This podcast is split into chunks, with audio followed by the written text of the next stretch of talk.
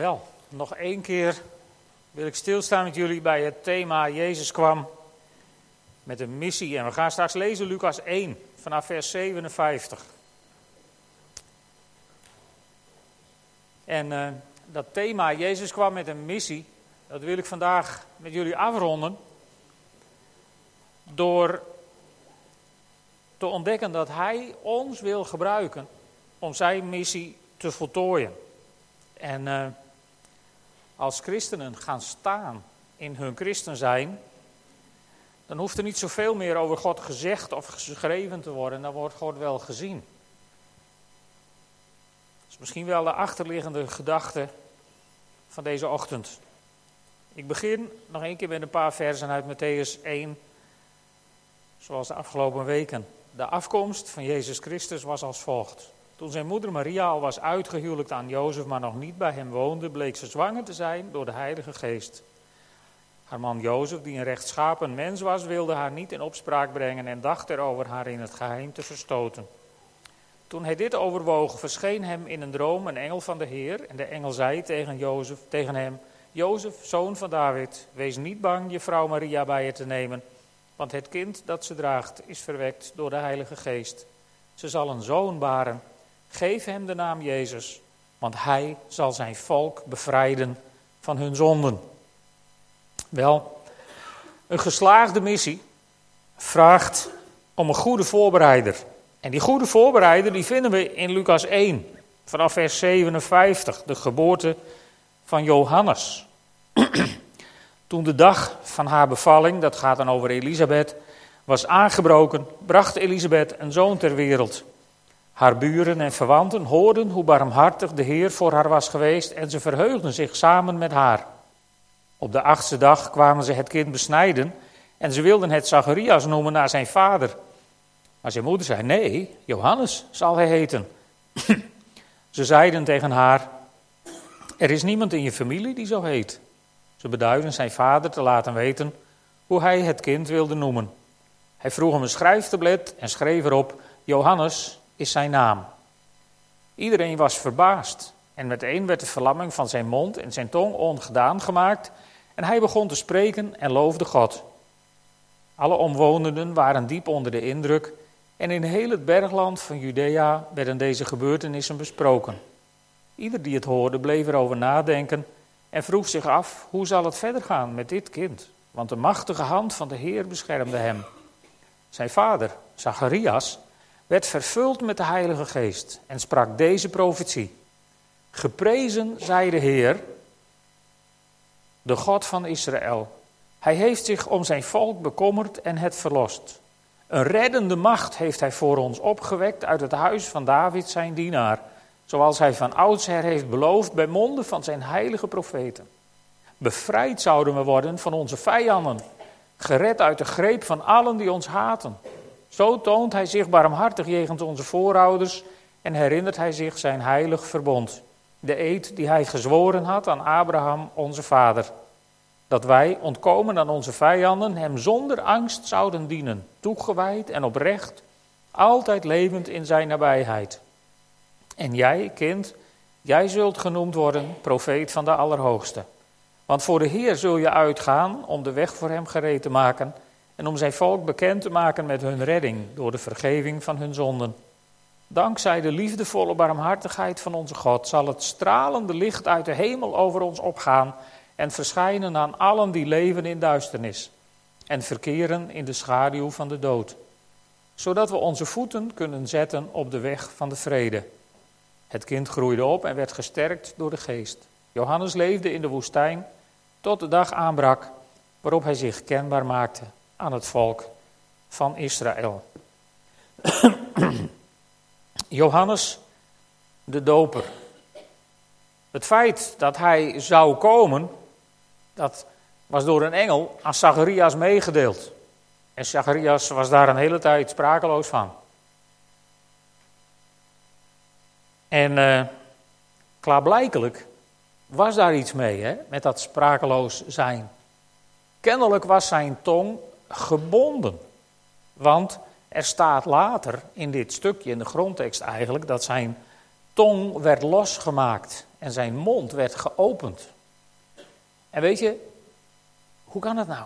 Zacharias was een priester, die, die had alles kunnen weten wat de engel hem kwam zeggen. Hij had als priester ook, ook wel iets meer onder de indruk mogen zijn van het feit dat er zomaar een engel naast hem stond. Maar ja, Zacharias die was natuurlijk als priester, die was, die was uitgeloot om het reukoffer te brengen.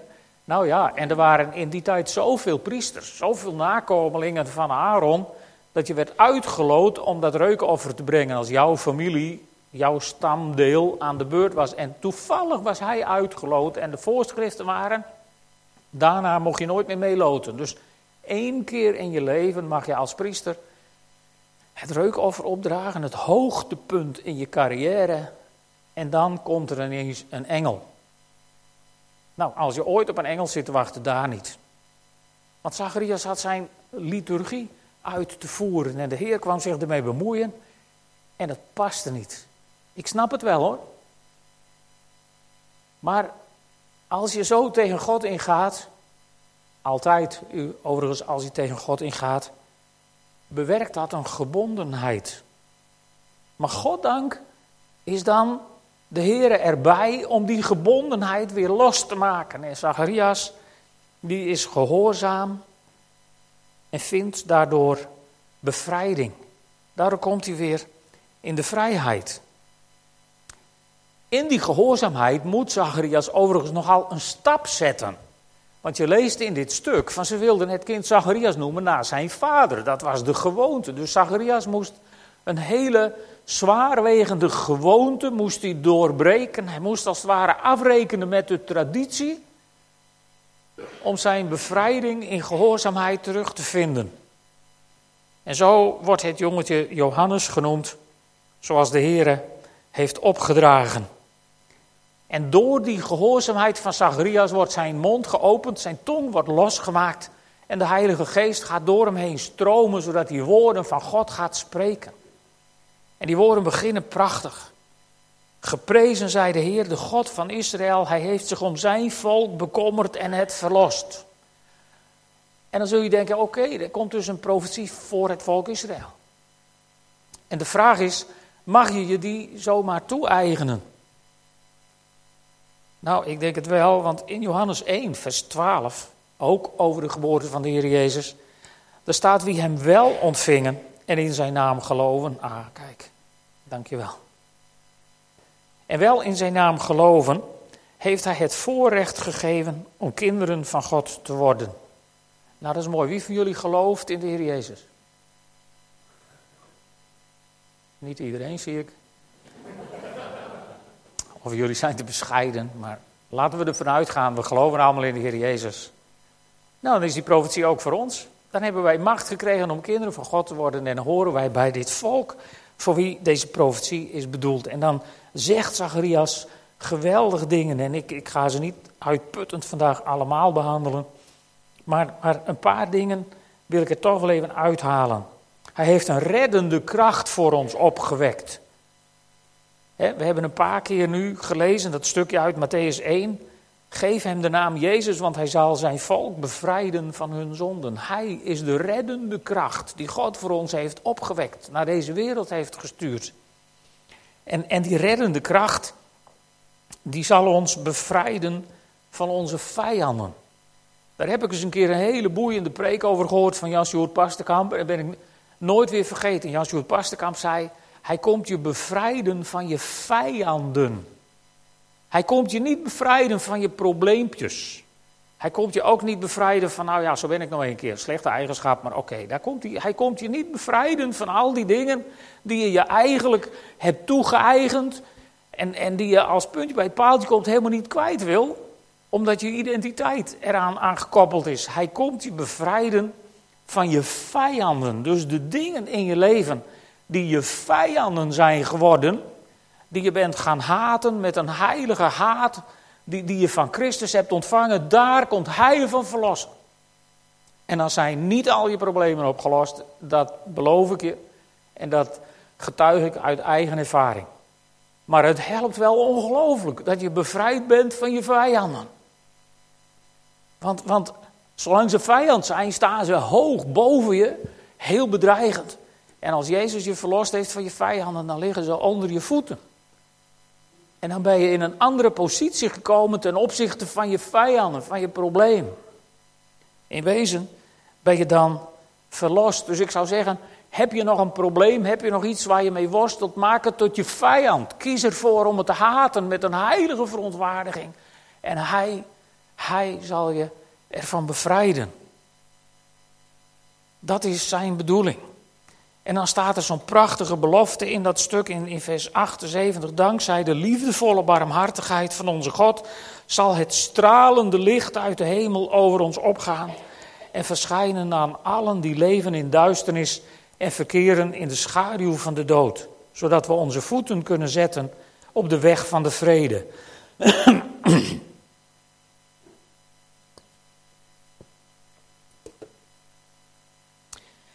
Dat is een hele mooie belofte. Vers 78, dankzij de liefdevolle barmhartigheid. Daar staat eigenlijk vanuit de ingewanden van barmhartigheid, staat er in de grondtekst. Het is het woord wat ook over Jezus een paar keer gebruikt werd.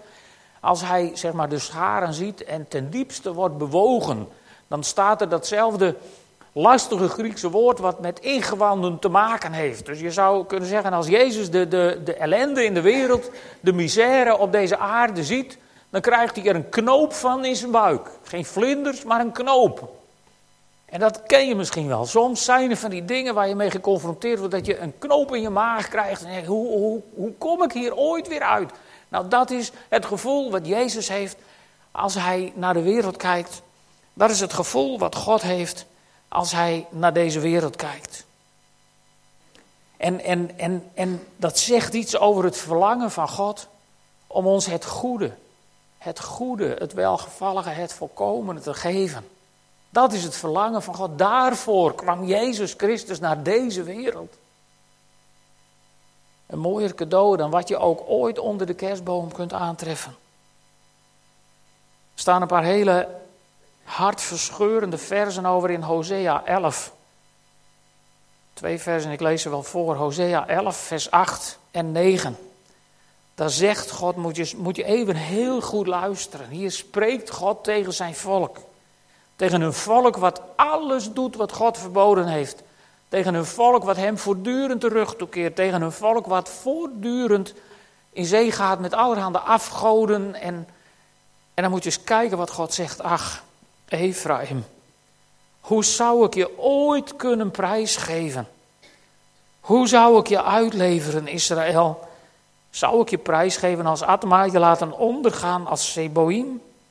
Mijn hart wordt verscheurd. Door barmhartigheid word ik bewogen. Ik zal mijn toon laten varen en Ephraim niet opnieuw te gronden richten. Want God ben ik en geen mens. Ik ben in jullie midden. Ik ben heilig. Ik zal niet meer in woede ontsteken. Je moet eens kijken hoe tegenstrijdig God hier is met wat er eerder in zijn woord staat. In de woestijn heeft hij het volk zo op het hart gebonden: wees heilig, want ik, de Heer uw God, ben heilig. En als u niet heilig bent, dan opent de aarde zich onder je om je te verzwelgen. Of er komt vuur van de hemel om je te vernietigen. Of er komen giftige slangen om je te doden. Of er, komen. Er gebeurt van alles in dat Oude Testament. Met mensen die niet heilig zijn in de heilige aanwezigheid van de heilige God. En dan zegt deze God op een gegeven moment in de geschiedenis. En, en, en dit is misschien wel net zo'n groot keerpunt in de geschiedenis als de geboorte van Jezus zelf. Hier zegt God: Ik kom in jullie midden wonen. En ik zal mijn toorn laten varen. En ik zal niet meer in woede ontsteken. Dat kon niet. Dat was niet oud-testamentisch. Dit is de nieuw-testamentische God die je hier ontmoet, voor zover er twee verschillende goden zijn. Hè. Dat, wat ik overigens helemaal niet wil beweren, dus ik moet mezelf even corrigeren eerst. Maar, maar God zegt hier, ik kom in jullie midden en lieve vrienden, ik heb een besluit genomen. Ik kom onder jullie wonen en ik heb besloten om mij niet meer te ergeren. Ik heb besloten om mij niet meer boos te laten maken door jullie. En ik heb besloten om mij niet meer gek te laten maken door wat jullie allemaal uitvreten. Dat is wat God zegt hier tegen Ephraim. Ik heb besloten, ik kom met mijn heiligheid onder jullie wonen. En mij maak je niet meer boos. Dat is wat. Dit is wat. Dit is een vers, dat zou je, dat zou je in je Bijbel met, met, met de meest felle, fluoriserende kleur moeten accentueren. Hosea 11, vers 8 en 9. Waar God dat zegt. Ik zal mijn toorn laten varen en je niet opnieuw te gronden richten. Dus ik ga je niet weer straffen. Want God ben ik en geen mens. Ik ben in jullie midden. Ik ben heilig. En ik zal niet meer in woede ontsteken.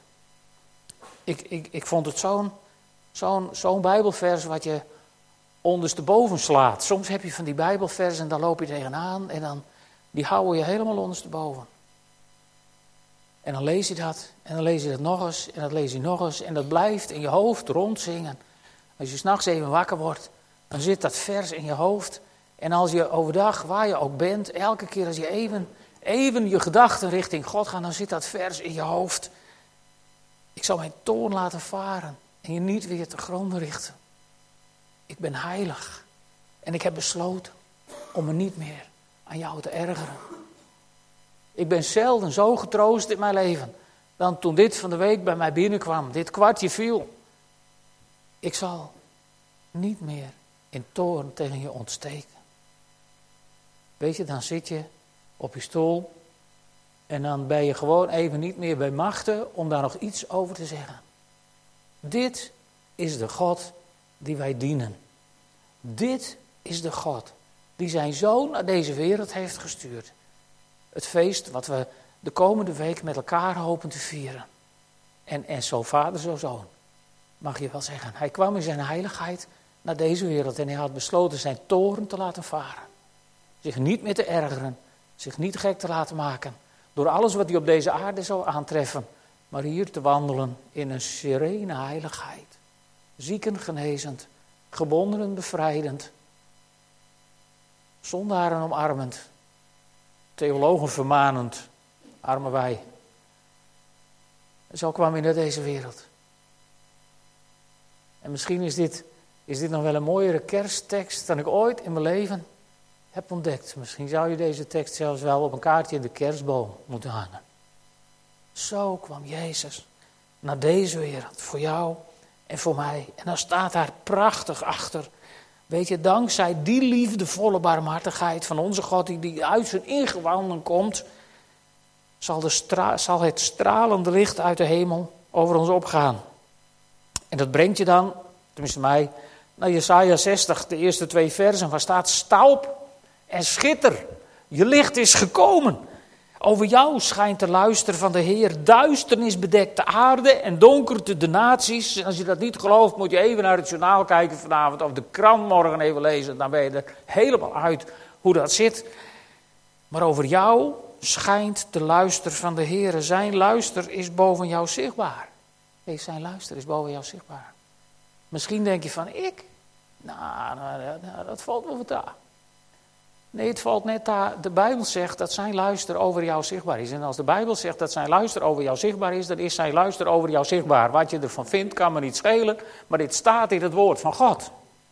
En weet je, daar zou je als christen in moeten gaan staan. Hey man, hier ben ik. Een kind van God, halleluja. De luister van God is over mij zichtbaar. Christenen past bescheidenheid, maar niet op dit gebied. Hier zouden we wel wat wat, wat krachtiger mogen zijn. Zijn luister is boven jou zichtbaar. Weet je, die woorden zijn letterlijk vervuld toen de tempel na de ballingschap werd herbouwd. Toen was de luister van God zichtbaar over die tempel.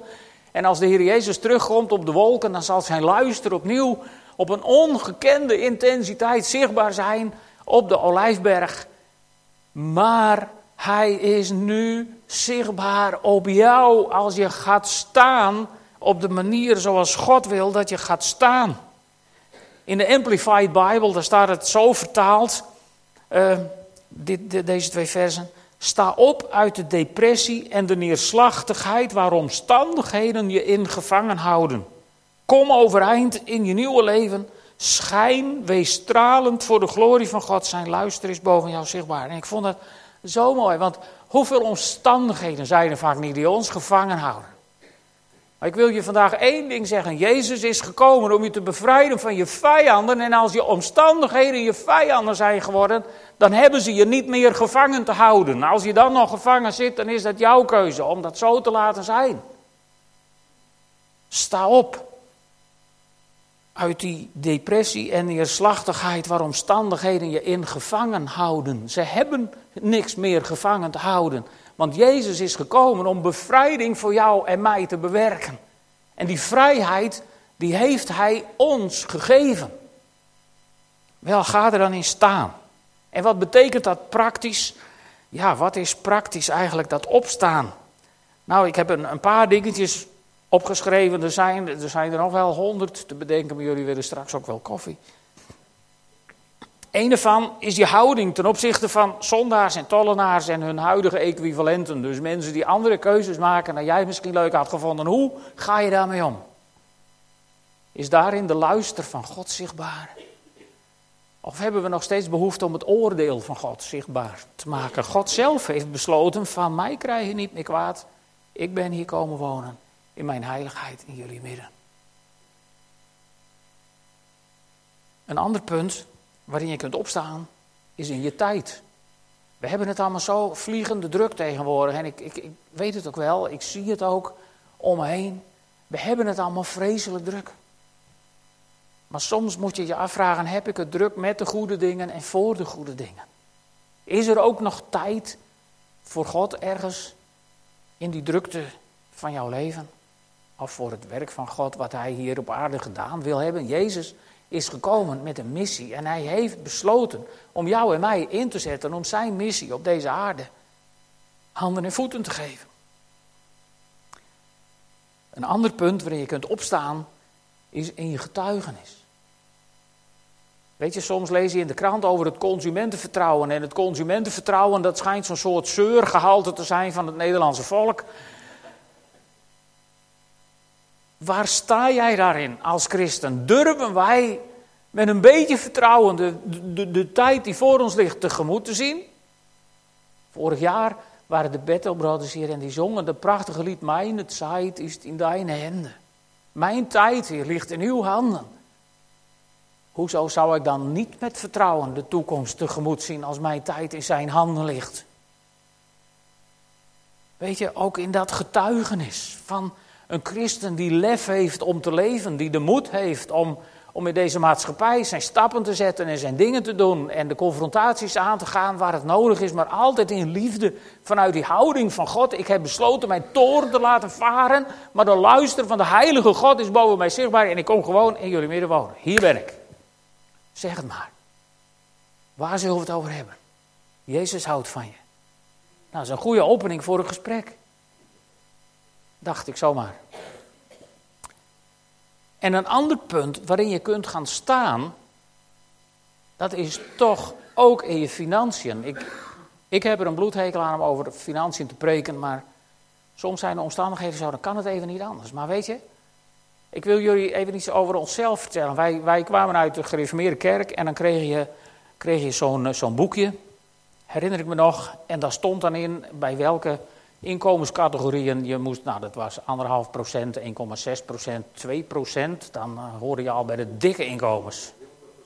Ja, dat kreeg je hè. En toen kwamen wij in de Pinkstergemeente terecht. En het waren hele rare mensen. Want die hadden het ineens over tienden. Dat was wel vijf keer zoveel. Nou, dat konden wij natuurlijk niet missen. Tot God begon te spreken. Want weet je, God kan soms heel storend inspreken in je leven. Zacharias heeft dat gemerkt, midden in zijn programma. Nou, zo kwam God ook midden in ons financiële programma. En, en, en op een gegeven moment hebben Geertje en ik tegen elkaar gezegd, weet je wat? We gaan het proberen. We hadden die Bijbeltekst gehoord. Vandaag mij toch uit en probeer mij of ik niet de sluizen van de hemel voor je zal openen. Zeiden, weet je wat, wij, wij gaan toch eens heel serieus werk maken van, van tienden. En we hebben het nooit één hap eten armer gehad dan daarvoor. Dan moet ik oppassen dat ik niet in het welvaartsevangelie terechtkom, want daar wil ik absoluut niet heen. Ik ga ook nooit zeggen van, doe maar meer in de collecte, want dan gaat God jou meer zegenen. Want dan ga je geld in de collecte doen vanuit de houding dat je daar wat voor krijgt. En weet je, in je geld, in je financiën kun je ook gaan staan. En voor sommige mensen is tienden een makje, voor anderen is het, en ik, ik weet dat wel, als je, als je aan, de, de, aan de lage inkomenskant zit, is dat wel, wel heftig. En je moet ook geen dingen doen, omdat ik het hier vanmorgen sta te zeggen. Waar ik je toe uit wil dagen is, ga nou de komende dagen, misschien heb je ook wel even kerstvakantie en misschien ook wel niet, maar dan heb je in ieder geval genoeg vrije dagen om eens even met God te praten. Ik daag je uit, ga eens even met de Heer in gesprek. Heer, wat wilt u met mijn financiën? Heer, wat wilt u met mijn tijd? Heer, wat wilt u met mijn getuigenis? Heer, wat wilt u met mijn omgaan met, met andere mensen uit andere ideeën, andere achtergronden? Heer, wat wilt u nou anders in mijn leven? Want Jezus kwam naar deze wereld om de wereld te bevrijden van hun zonden. En weet je, soms, soms zitten wij zo vast aan dingen dat de Bijbel het zonde noemt. En ik ga jullie niet overtuigen van zonde, daar is de Heilige Geest voor ingehuurd, staat ook in de Bijbel. Dus vraag hem nou eens. Ga eens een keer met God in gesprek de komende dagen onder de kerstboom. Van Heer, ja, dat mag ook hier onder deze kerstboom. Ja, geen enkel probleem. Ik daag je uit. Ik daag je uit om dit kerstfeest niet alleen maar stil te staan bij een aaibare, poezelige kleine baby in een kribbetje. Dat daar niks romantisch aan is, daar gaan we het de komende dagen wel over hebben. Maar realiseer je nou eens dat Jezus groot geworden is, volwassen voor jou gestorven is aan het kruis, alles gegeven heeft wat hij had te geven. Op de derde dag is opgestaan uit de dood. Zegenend is hij opgevaren naar de hemel. En daar zit hij aan de rechterhand van God dag en nacht voor jou te pleiten. En op een dag komt hij terug op de wolken van de hemel. En dan vraagt hij niet naar je banksaldo. Dan vraagt hij ook niet of je wel genoeg aan de gemeente betaald hebt hoor. Dan vraagt hij ook niet wat je met dat envelopje gedaan hebt. Wat daar ligt. En ik hoop en ik bid dat hij ook dan zijn toren zal laten varen en in zijn heiligheid in ons midden zal komen. Maar weet je, ik heb één ding ontdekt de afgelopen jaren. Die God, God is liefde. Maar die God die alleen maar, ja, alleen maar zoete liefde is, die werkt zo verslavend dat je er stinkend lui van wordt, volgens mij. En die God die in sommige kringen bekend is als de toornige, wrekende God. Dat is ook zo'n God waar je volgens mij alleen maar zagrijnig van wordt en ongelukkig en bang. Maar een heilige God die bereid is om zijn toorn in de hemel achter te laten. En in zijn heiligheid in je midden komt wonen. Die is zo ongelooflijk besmettelijk. Daar is geen inenting tegen opgewassen. Ga nou eens met die heilige God in gesprek. De komende dagen. Als hij zijn verjaardag viert. Praat eens even met hem. En weet je, dan gaat ook dit gebeuren, wat in Jesaja 60 staat. Dan is overdag het licht van de zon niet meer nodig. De glans van de maan hoeft je niet te verlichten. Want de Heer zal jou voor altijd licht geven. En jouw God zal voor jou schitteren. Jouw zon zal niet meer ondergaan, jouw maan niet meer verbleken, want de Heer zal voor altijd je licht geven. De dagen van je rouw zijn voorbij. Zou dat niet een leuk jaar 2014 kunnen worden dan? Zullen we gaan staan en een moment bidden?